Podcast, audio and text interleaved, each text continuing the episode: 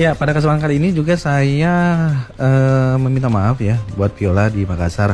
Sekali lagi saya minta maaf ya, mungkin cuma kata ini yang bisa saya sampaikan.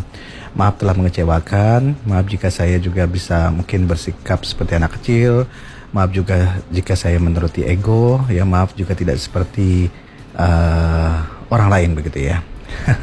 Karena sudah berbuat salah, tentunya harus eh, uh, minta maaf begitu ya. Maaf, maaf, maaf dan maaf.